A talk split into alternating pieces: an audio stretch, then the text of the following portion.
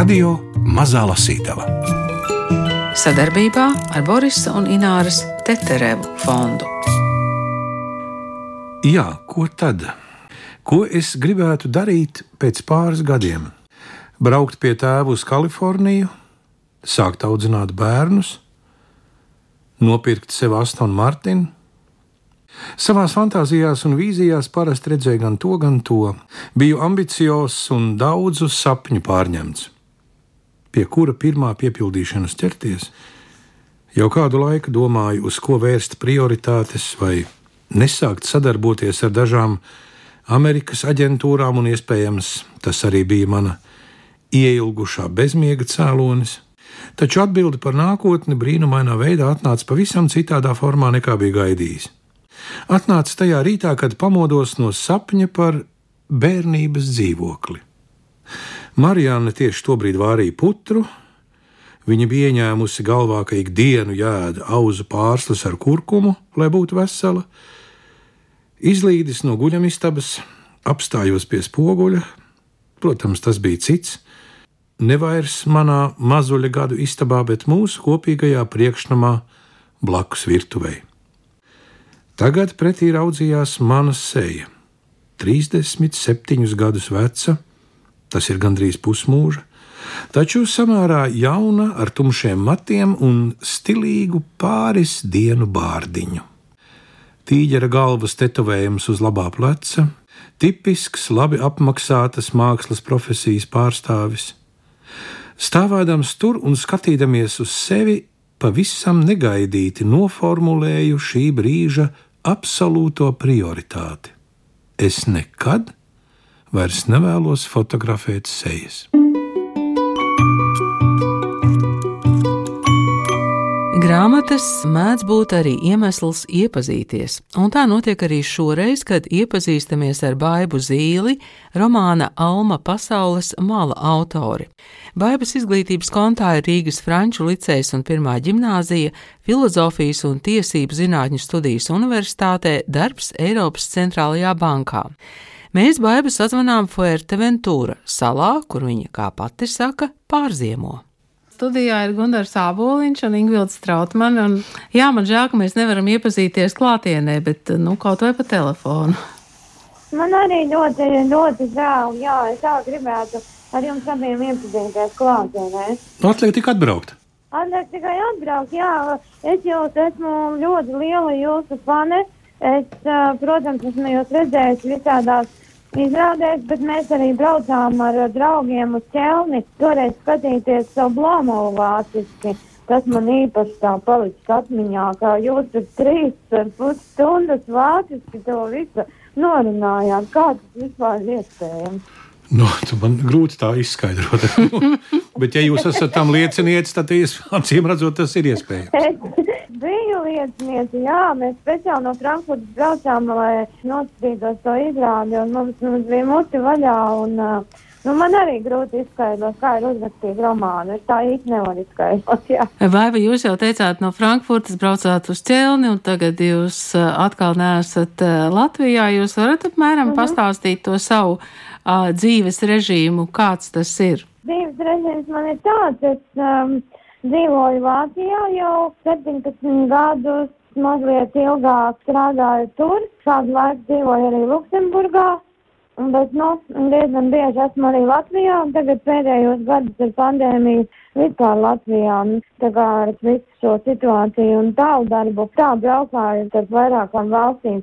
Šobrīd atrodos Fuerteventurā, tas ir viena no Kanārijas salām, te pavadu ziemu. Kā tur Kanārijas salās? Pastāstiet mums, vai tur kāds ielas tīra? Iela tīra gan, jā, man sēdnieks tīra un dzied. Viņš no rīta dziedāja tādu dziesmu, kas sākās ar Losiento. Losiento tas ir es atvainojos, vai man ļoti žēl.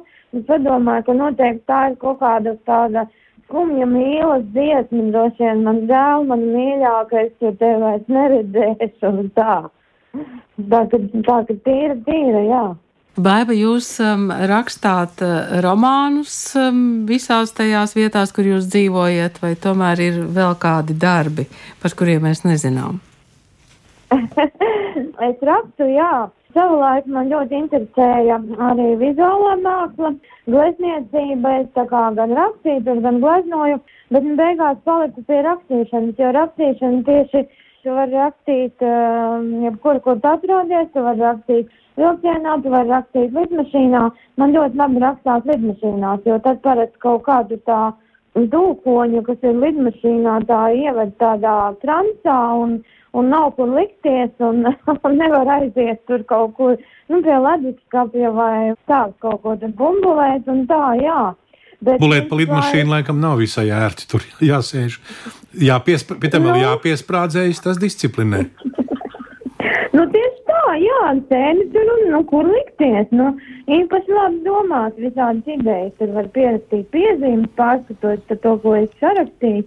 Un, jā, un tā, bet par darbiem, jā, protams, man ir mans pamatdarbs, strādāju Eiropas centrālajā bankā Vācijā, un tāpēc es arī tur atrodos. Gunārs Sāboliņš lasa fragmentus no Baigas Zīles romāna Alma pasaules mala. Izgāju ārā no studijas, iesēdos S-bānā un aizbraucu uz Taunusu, kur pavadīju visu dienu fotografējot mežu.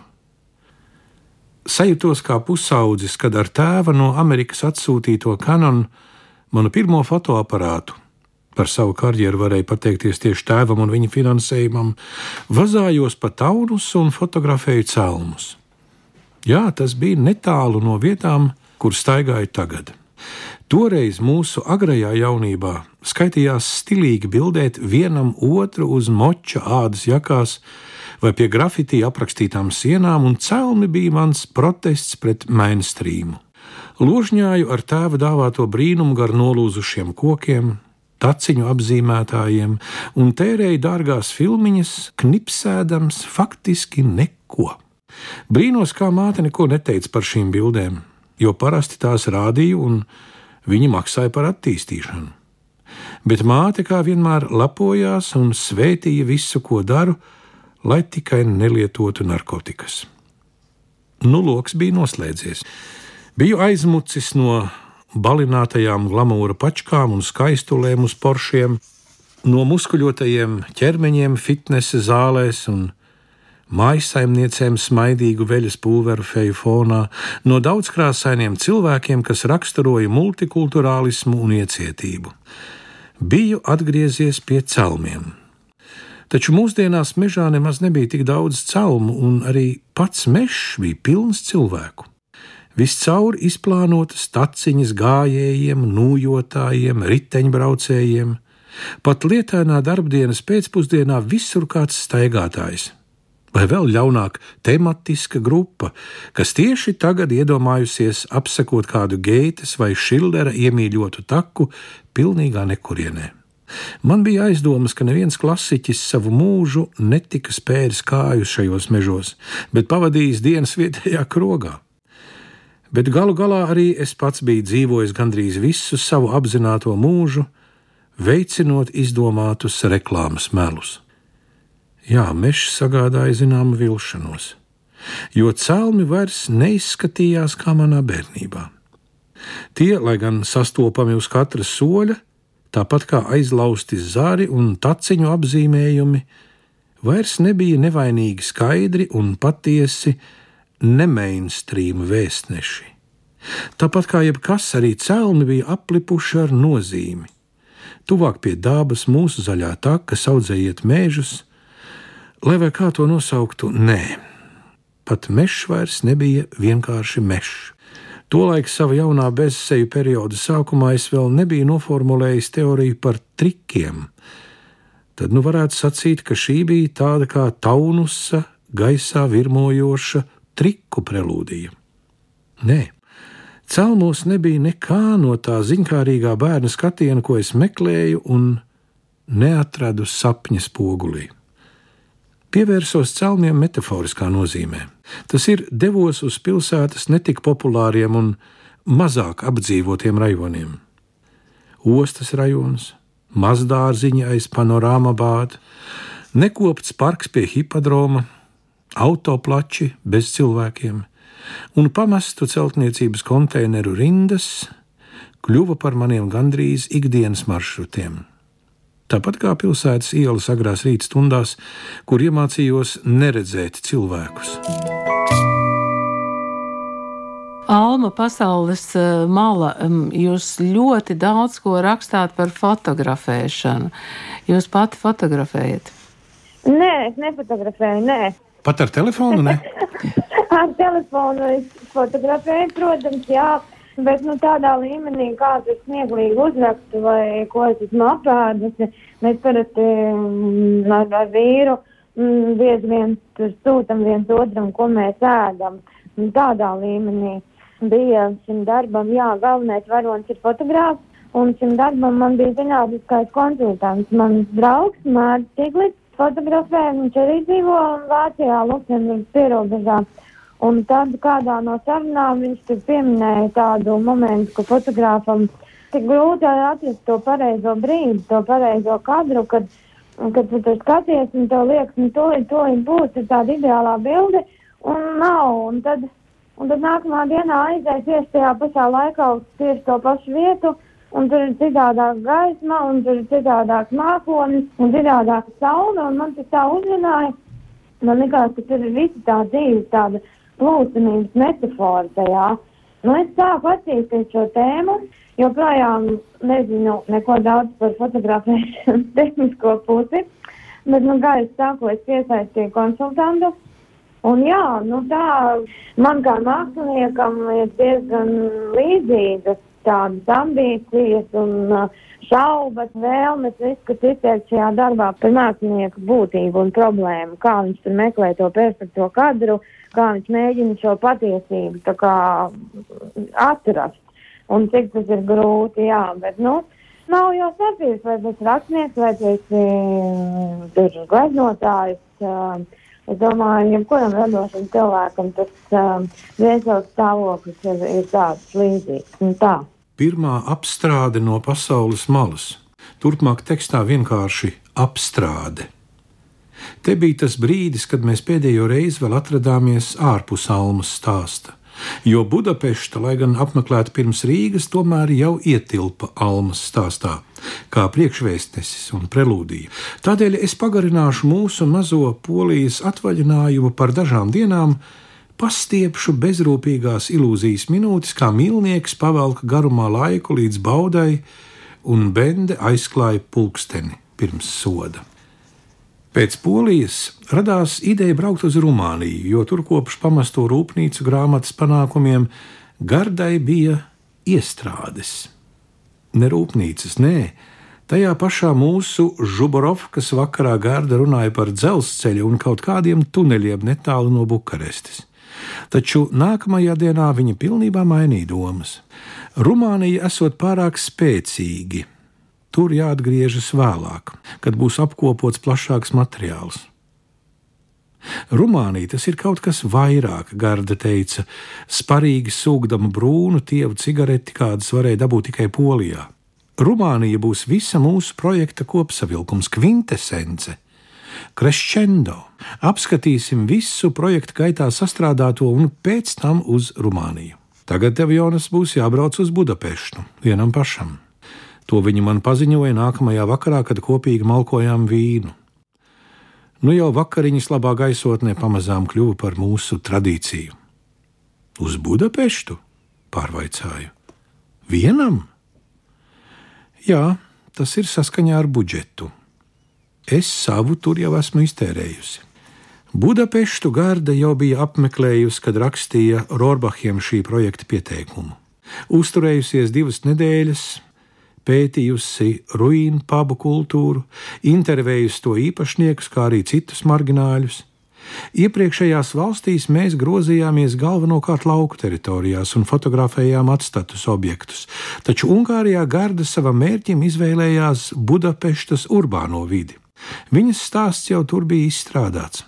Tas, protams, arī izskatījās nedaudz triks, taču nu jau es sāku Gardas trikiem ticēt. Mēs negribam parādīt vienpusēju ainavu. Tikai pussabrukušas rūpnīcas un kāzas laukos, lai ir pilsēta kā dzīves organisms, bet tikai un vienīgi Budapeštā Jonas kā viens īpašs akcents kaut kur grāmatas vidū. Tieši uz Budapestas stāsta pamata Garda jau bija uztaisījusi plašu materiāla paraugu, ko iesniedz fondam projekta apstiprināšanai.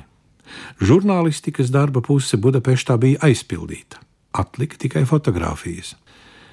Man izsniedza otru projekta kredītkarti ar stingru nosacījumu vākt visus čekus, darba datoru un telefonu, laiks nedēļa.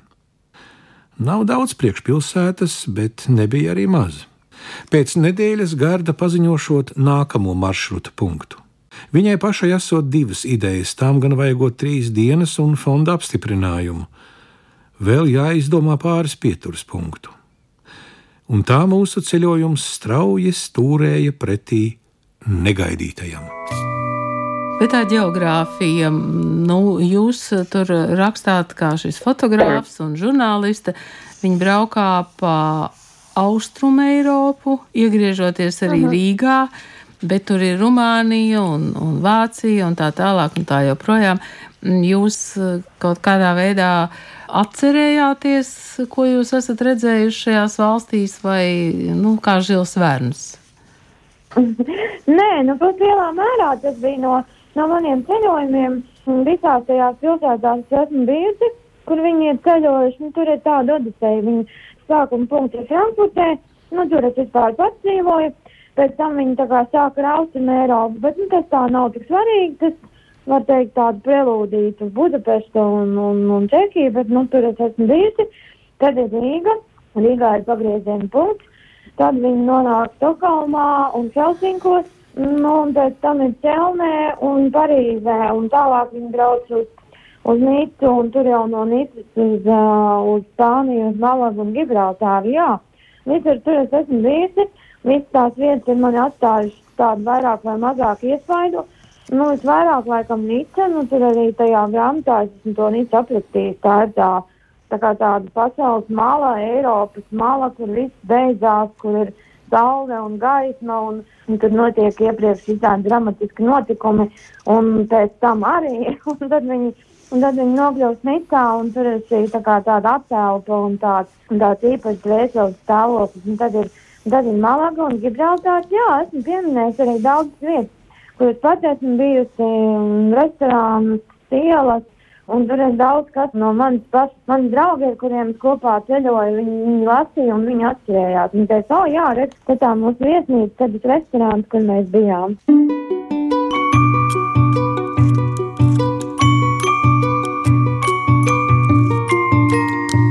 Radio Mazā Lasītava. Arī te autobusā, gluži kā pie Nadīnes, brīvas vietas atradās tikai pašā aizmugurē.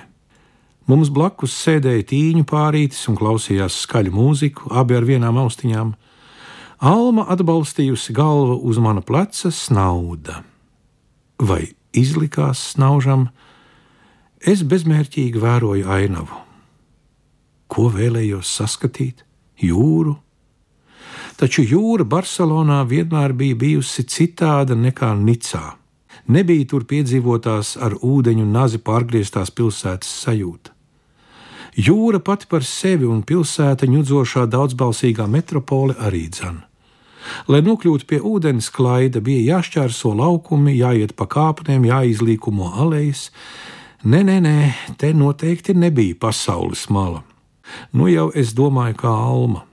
Jūra šeit bija viens turisma papildus objekts nenoliedzami skaists. Īpaši man patika pludmale Barcelonetes galā, kur saglabājies kaut kas no vecās pilsētas gara, bez lielveikaliem un nepielūdzamā kvadrātisko ielu plānojuma. Taču, jebkurā gadījumā, jūra te neuzbruka zemē, to nepāršķēla, neiejaucās. Ja gribat jūru, lūdzu, ejiet turp un izklaidējieties pludmalē 600 soļu pa kreisi no avēnijas, bet tā nebija pavēle. Dzīve ir beigusies, un tagad jūra. Autobusa maršruta galapunkts bija autoosta, no kuras ar metro devāmies uz vecpilsētu. Nu jau jutāmies daudz labāk. Brauciens ar Nadīni un arī policijas reici Žironas autobusā mūs bija atsvabinājis no visām bailēm. Robežas pārkāpšana nebija tikai iluzora sajūta, to ietekmēja arī nokļūšana Spānijā. Lai gan loģiski spriežot, ja Eiropols mūs jau meklēja Latvijā, tad sasniegs mūs arī šeit. Tomēr šķita, ka esam ārā no slazda. Avantūrisms, kas valdīja, kad izmetām savus telefonus miskastē un devāmies uz jābusu, likās atgriezies, un mēs bez liekas domāšanas devāmies turpat uz Las Ramblas pirmajā ieraudzītajā viesnīcā. Tā bija grezna un liela celtne, aizņēma veselu ielas stūri, un tās nosaukums bija 1898. Samaksājām par numuru pēdējā stāvā, nu jau identitātes neslēpjot, un kāpām uz bāru turpat lejā. Kopš Perpiņānas krosāniem nebija nekas ēsts. Pasūtījām visas iespējamās tapas un milzīgu paeļu. Varbūt vajag atkal piezvanīt tavam brālim? Alma paraustīja plecus. Nu, beidz, vajag taču, viņš noteikti uztraucas. Es esmu ceļojusi arī agrāk, piemēram, Barcelonā reiz nodzīvoju nedēļu. Un taču toreiz tas nebija ceļojums uz pasaules malu. Nebija gan. Uz brīdi ienāca prātā Marianne, mamma, dzīvoklis pie Gintersburga parka, kravas konteineri aģentūra, Pjērs, vēlreiz Marianne. Viņa tagad noteikti sēž uz priekšnama divāna un apzvana visas draudzenes. Tā viņa darīja, būdama satraukusies. Gan jau ir sazinājusies ar Gerdu un varbūt pat Klausu, kur nu satraukusies viņa bija ārprātā. Es atrados nezinu, kur projām vairāk nekā nedēļu, un arī pie viņas mani noteikti meklējusi policija. Taču es biju sadedzinājusi visus tiltus. Es nekad nezvanīšu uz turieni, ne pa telefonu, ne Skype, nesūtīšu īsiņas un neiešu messengerī. Nekad. Man nebija atpakaļceļa. Es taču biju jau gandrīz sasniedzis pasaules malu. Viņiem to nesaprast, taču es jutos laimīgs. Tev taisnība, uzzvanīšu Mihailam, teica Alma. Jūs uh, tagad rakstāt jaunu romānu? Jā, es rakstu gan kaut ko, es vienmēr rakstu. Parasti ir tā, ka uzraksti, tad um, romāns tiek iesniegts izdevniecībā. Uh, paiet diezgan ilgs laiks, kamēr viņu izvērtē, kamēr sagatavots izdošanai. Uh, tad publicē. Un, un principā, mm, autors jau vienmēr ir jau diezgan tālu ieskrējies tajā savā nākamajā darbā. Bet, jā, nu, man ir tāda neliela maģicība, tā negribās tur ļoti stāstīt visu, ko, ko es rakstu. Jo liekas, nu, tad es tagad izstāstīšu, un tad, tad, tad nekas nesanāks. Bet, jā, nu, tagad es rakstu kaut ko pilnīgi savādāku. Šis romāns, Alma pasaules mala, ir ļoti ironisks, ir daudz par mūsdienu sabiedrību, par Eiropu, par uh, tādu mūsu civilizācijas. Nu, visādi tādi vērojami, ļoti tāds arī daudz no sadzīves. Nākamais tāds mini-romāniņš, gribētu kaut ko tādu īsāku.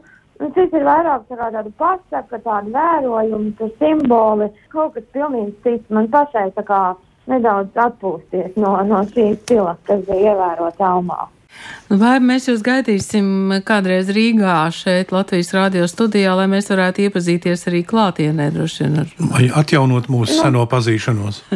Kopš ķelnes, nu, jā. Jauki, jā, man tā viss ir saplānojies. Nu labi, tad, tad sveiciniet. Nu, gal galā no mēs jau varam arī aizbraukt uz uh, Fuerteventura.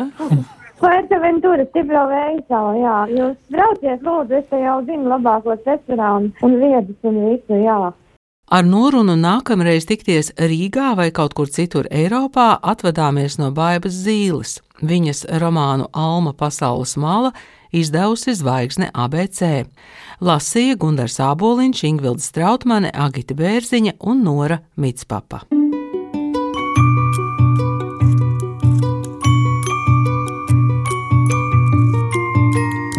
Radio Mazā Lasītava sadarbībā ar Borisa un Ināras Teterevu fondu.